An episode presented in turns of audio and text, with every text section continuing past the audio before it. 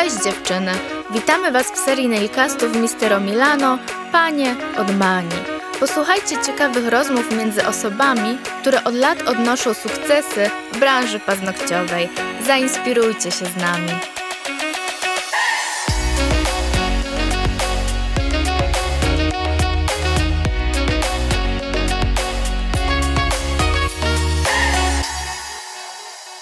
Witajcie drodzy słuchacze, z tej strony Dorota Libłysakowska i Monika Szlusarczyk. Dzisiaj porozmawiamy na interesujący temat dla osób raczkujących i stawiających pierwsze kroki w świecie stylizacji paznokci. Od laika do stylisty, czyli od domowych robótek do profesjonalnej stylistki paznokci. Pewnie wy, nasze przyszłe stylistki, zastanawiacie się, jak potoczyły się losy wielu znanych lub odnoszących sukcesy stylistek paznokci i waszych paznokciowych idoli. Otóż większość z nas zaczynała podobnie, czyli od rękodzieła w domowym zaciszu. Najpierw pojawia się zainteresowanie, potem często przeradza się to w pasję, a następnie w pomysł i sposób na życie. No tak, no dobrze, a co dalej? Co jest potrzebne i jaką drogę należy obrać, aby dotrzeć do tego celu? Może w takim razie przybliżysz nam, Dorotko, jak postawić ten pierwszy kroczek? Hm. Pierwszy krok najlepiej postaw na swój rozwój. Spora większość zaczyna jako samouk, coś tam kupimy, coś tam zrobimy, na mamie, na siostrze, na koleżankach, coś tam nam wyjdzie. No tak, ale czy ty uważasz, że to jest naprawdę dobre posunięcie? Hmm, no na początku to nic złego. Nie słuchajcie od razu hejtu na swoją osobę, ponieważ ten etap to jest ten moment, w którym właśnie rozwijasz swoją pasję. Przechodzisz jedną nogą przez niewidzialne, brokatowe drzwi, które często zaczaskują się za tobą i bezpowrotnie wpadasz w świat paznokci, po tym jak odkrywasz ile możliwości, technik i barw i oczywiście brokatu, oferuje świat paznokci. Mm, ale pamiętaj, dopóki robisz to w ramach pasji, i odkrywania tego świata. I są to tylko takie początki w zaciszu domowym, to wszystko jest w porządku. Jednak, by stać się profesjonalną stylistką, w tym miejscu jest wielkie czerwone stop. Wielkie czerwone stop. A dlaczego? Skoro wychodzi to dobrze i ładnie i wszystko się jakoś trzyma. Taka osoba często myśli, że czas na następny krok. Pierwsze klientki z poczty pantoflowej już czekają. Więc czemu nie? Ponieważ tu kończy się próg naszych testów i poznawania. Zdrowie i bezpieczeństwo nasze i innych jest najważniejsze. Pamiętajcie, że pracujecie z żywym organizmem, a nie sztucznym tipsem czy plastikową ręką. Ja zawsze powtarzam na szkoleniach, że jeżeli idę do dentysty, to mam nadzieję, że on wie coś o zębach, tak? A kiedy idę do ortopedy, to fajnie by było, gdyby znał układ kostny. Bardzo logiczne wytłumaczenie. Tak. A więc każdy musi wiedzieć coś o obszarze, na którym pracuje, prawda? Tak samo liczę na najlepszej jakości produkty użyte do moich zabiegów. A więc tu również powinnyście świadomie wybierać firmy profesjonalne najlepszej jakości ze wszystkimi atestami. I tutaj zaczyna się bardziej obszerny temat, który poruszymy w kolejnych punktach. Więc od jakich szkoleń proponujesz zacząć przyszłym profesjonalnym stylistom? Ponieważ y, zdrowie i bezpieczeństwo jest najważniejsze, to dlatego Twoja edukacja powinna zaczynać się od podstaw takich jak chemia i fizyka stylizacji paznokci, zasady bezpieczeństwa pracy, higiena pracy, dezynfekcja, sterylizacja, anatomia czy też patologia paznokci, czyli jej choroby i schorzenia. No tak, a czy po tym można już przeskoczyć na budowę, wzorki, nail art i te twoje brokaty i diamenty? E, no oczywiście, że nie. W następnej kolejności jest manikir, bo przecież nie budujemy domu od dachu, tak? Fundament to jest podstawa. Ile klientek, tyle rodzajów skóry i paznokci. Powinnyśmy znać je i umieć dobrać manikir pod jej właściwości. Wiadomo, że poznajemy je z czasem, są to też y, różne osobliwe przypadki, ale naszym obowiązkiem jako profesjonalnej stylistki jest znać kilka technik manikiru. E, to jest tak jak w każdym rzemiośle, tak? Trzeba mieć różne materiały i znać wiele technik, aby dopasować się jak najlepiej do tych warunków, z jakimi przyjdzie nam pracować. Oj tak, słyszałyśmy już niejedną historię o nieleczonych zielonych bakteriach, o uszkodzonych macierzach. A pamiętajmy, że frezarka jest niebezpiecznym narzędziem w ręku laika.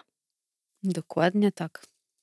No tak, a pamiętajcie, że manikir i przygotowanie płytki oraz odpowiednie dobranie jakościowych produktów to podstawa w każdej kolejnej procedurze stylizacji paznokci, prawda Dorotko? Mm, Zgadzam się w stu procentach. Dorotko, w obecnej dobie internetu i masowym zalewaniu social mediów paznokciowymi materiałami nie trudno o szybkie filmiki instruktażowe, na którym coś tam podpatrzymy, coś się dowiemy. Co sądzisz o takim rozwoju czy też nauce?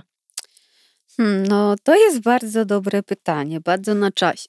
Moje pierwsze, nazwijmy to domowe wypociny, przebiegały pod bardzo, bardzo czujnym okiem pani nagranej na płycie CD zakupionej w internecie w 2008 roku. Czyli można powiedzieć, że szkoliłaś się online. Mm, tak, oczywiście. Właśnie tak się zaczęła moja przygoda. Ale szybko zmieniłam tą formę na szkolenia stacjonarne. Przeszłam ich już dziesiątki i szkolę się dalej i nie zamierzam przestać. I pamiętajcie, że nawet mistrzyni najlepsza i instruktor nie powinien się tego wstydzić. Dokładnie, bo pamiętajmy, że są nowinki, nowe techniki, a my jako instruktorzy jesteśmy największą skarbnicą wiedzy dla swoich kursantów. No dobrze, Dorotko, ale co uważasz o tej edukacji online? No cóż, uważam, że edukacja online nie jest złą formą nauki. Mm, Jeżeli jest to szkolenie, powiedzmy, z teorii i wykładów, e, na przykład o wcześniej wspomnianych tematach, jak anatomia, chemia i tym podobne, to jak najbardziej. No bo po co ruszać się z domu, jak można to zrobić w domowym zaciszu na kanapie, tak? I jeżeli mamy solidne podstawy, to jest to też dobra forma do kształcenia. Na przykład z nail artu, czy tam jakiejś budowy sprecyzowanych kształtów. Ale na pierwszy kurs zdecydowanie nie. Sama wiesz, ile do nas trafia dziewczyn po szkoleniach online od podstaw. Oj, tak. Szkolenia online jest to dosyć obszerny temat na osobny podcast. Przyszła stylistko, wybierz dobry kurs podstawowy. Moim zdaniem 4-5 dni to jest minimum, aby wiedzieć coś o paznokciach i nabyć jakieś umiejętności, które potem trzeba praktykować oczywiście. Moniczko, a powiedz mi mm, tak z ciekawości, jak zaczęła się twoja przygoda? I tutaj Was, moi drodzy, troszkę zaskoczę, bo ja należę do grona osób, które się przebranżowiły i cztery lata temu wyskoczyłam jak wulkan na rynek stylizacji paznokci. Nigdy nie korzystałam z kursów online, zawsze wybierałam stacjonarne, yy, a najlepiej indywidualne. Ponieważ nie potrafię robić nic na pół gwizdka, albo robię coś na maksa, albo wcale. Cieszę się, że jest wiele osób na rynku, którymi mogę się inspirować. Z niektórymi nawet się zaprzyjaźniłam. Tak, ja. mówię tutaj o Dorotce. Yy, zawsze mnie inspirowała, zawsze jej zazdrościłam. mm, tak pozytywnie oczywiście tych wszystkich pucharów, tej złotej ściany. No i co, udało się moi drodzy, po czterech latach mam swoją ścianę. Yy, cudownie jest się wspierać nawzajem. Przyjaźń przetrwała, razem sprzątamy teraz te puchary. Tak, na szczęście nie pijemy z nich jeszcze, no ale kto wie, co będzie w przyszłości? Dokładnie. I tego sobie gratulujemy nawzajem. Tak, jest cudownie mieć tą osobę, która nas wspiera, która y, potrafi spojrzeć krytycznym okiem i powiedzieć, że to jest brzydkie albo to jest super. To daje dużego kopa i motywacji do pracy. Y, No i dlatego Tego- jesteśmy tutaj dzisiaj razem. Tak, i tego również Wam życzymy, żebyście w tym świecie paznokci również odnalazły taką osobę. No dobrze, opowiedziałyśmy troszeczkę o sobie, ale wracamy do tematu. Czyli najpierw obszerna teoria, o której wspomniałaś, następnie różne rodzaje manikur i w końcu solidna podstawa z poprawnej budowy paznokci. A potem możemy przejść do rozwoju i szlifowania tego, co nas pasjonuje i co dusza bardziej pragnie. Techniki, nail artu i tym podobne. Dokładnie tak, bo pamiętaj, że na brzydkim paznokciu piękne zdobienie i tak nie pomoże. A brokat i diamenty? Nie, a one odpadają z brzydkich paznokci. Nie. No dobrze, a ile takich szkoleń trzeba odbyć, aby się stać profesjonalistą? To znaczy, ukończyłam już kurs obszernej wiedzy teoretycznej, merytorycznej, manikur i stylizacji. Mam na koncie jakieś pięć kursów i czy mogę nazwać się profesjonalistą z dziedziny stylizacji paznokci? E, wiesz co, powiedziałabym raczej, że jest się profesjonalnie przygotowanym do pracy i zawodu. Profesjonalizm rodzi się podczas praktyki. W naszym przypadku pracujemy z człowiekiem, więc każdy przypadek może być inny, tak? Praktyka i ćwiczenia budują nasze doświadczenie, a nie ilość kursów, lecz ilość dłoni i przede wszystkim wdrażanie nowej wiedzy do pracy.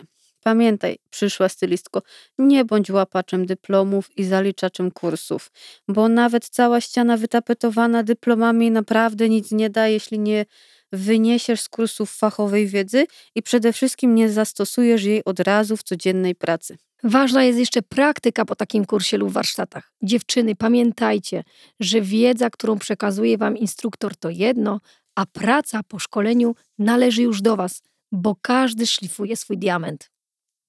Czyli podsumowując, drogie przyszłe stylistki, nie zatrzymujemy się na jednym kursie i szkoleniowcu. Jest wiele branżowych wydarzeń, pokazów, sympozjów, kursów i warsztatów. U każdego podpatrzycie co innego, ale pamiętajcie przy wyborze i wdrażaniu, kierujcie się swoją logiką. Prawda, Dorotko? Zdecydowanie tak, Moniczko. Masz rację. Samodyscyplina e, po na przykład warsztatach to jest podstawa. Nie sztuką jest zaliczyć kurs, ale poświęcić tak naprawdę swój prywatny czas, o czym dużo wiemy, tak? Oj, tak. E, często zarwać nocki, mm, aby utrwalić taką wiedzę, szczególnie po szkoleniu z nail artu, gdzie ruch, kąt i nacisk pędzla odgrywają szczególną rolę, a my to praktycznie w 80% zapominamy po takim kursie. Pamiętaj, rób notatki. Nie kiwaj tylko potwierdzającą głową, bo i tak to zapomnisz. Dokładnie. Dlatego tak ważna jest praktyka od razu po szkoleniu. I wiesz, bo jeśli chcesz malować jak pani z Insta, to musisz wziąć się od razu do pracy. Same to wiemy, Dorotka, prawda? No niestety tak. Okej, okay, ale nie każda z nas przecież lubi to samo i nadaje się do tego samego. Więc czy trzeba odbyć aż tyle kursów i godzin ćwiczeń nad kwiatkami? Ja osobiście na przykład nie lubię one stroke'a czy tam żostowo. Wiem. E, masz rację, Moniczko. Pamiętaj, stylistko, nie musisz być dobra we wszystkim. Ja na przykład nie lubię zdobień geometrycznych, kubizmu, e, który był jakiś czas temu modny. No zabij mnie, ale nie mogłabym tego nosić ani pół sekundy na rękach. Znajdź pomysł na siebie. Może będziesz mistrzem i specem od hybrydy, albo zdecydowanie kręci cię technika, na przykład w twojej okolicy to ty i twój salon wyróżni się najpiękniejszym fręczem. A może masz duszę artysty i z każdej strony będą nadciągać do ciebie amatorki zdobień.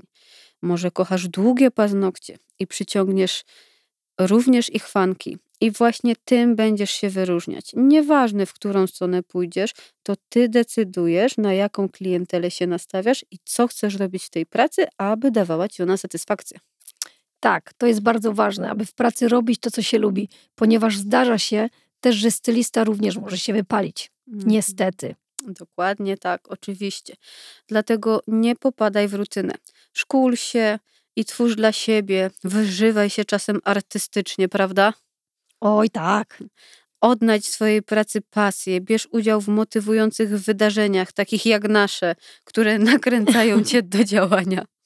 Warto wspomnieć o tym, aby wprowadzać innowacje do swojego salonu i pracy, bo pamiętajcie, że klientki też mają dostęp do tego i czasem wiedzą więcej niż my. Tak, to jest prawda. Czasem klientki znają nową kolekcję kolorystyczną szybciej niż ich stylistka. Przede wszystkim jedź na wakacje najlepiej trzy razy w roku. Hmm. Szanuj swój czas, aby klient też go szanował. Odpoczywaj i miej swoje życie poza paznokciami, bo to najczęściej wypala stylistki. Rutyna, brak życia poza biurkiem i salonem. Dbaj o zdrowie. Organizacja stanowiska pracy to jest podstawa. Pozostaw jeszcze czas na social media, które są teraz podstawą w branży beauty. Pamiętajmy, jest czas na pracę i jest również czas na odpoczynek. Tak, social media dla salonu to temat dość obszerny. Myślę, że do omówienia na kolejnym spotkaniu. A więc podsumowując, drogie przyszłe stylistki i właścicielki salonów, aby zacząć drogę od laika do stylisty, przede wszystkim nie należy bać się swoich marzeń i śmiało zrobić ten pierwszy krok. Nie zawsze warto wybierać drogę na skróty, bo czasem ta dłuższa daje lepsze efekty, spełnienie i profity. Czy chciałabyś coś dodać, Dorotko, na zakończenie? Mm, oczywiście. Droga stylistko, kształcie, rozwijaj, realizuj się sama dla siebie. Nie daj się nikomu zatrzymać i pamiętaj, że dobra stylistka ma zawsze pełne ręce pracy, pyłu i brokatu. I pamiętaj, inspiruj się innymi, ale nie kopiuj, bo zawsze będziesz kopią. Pozdrawiamy serdecznie i do usłyszenia na następnym podcaście.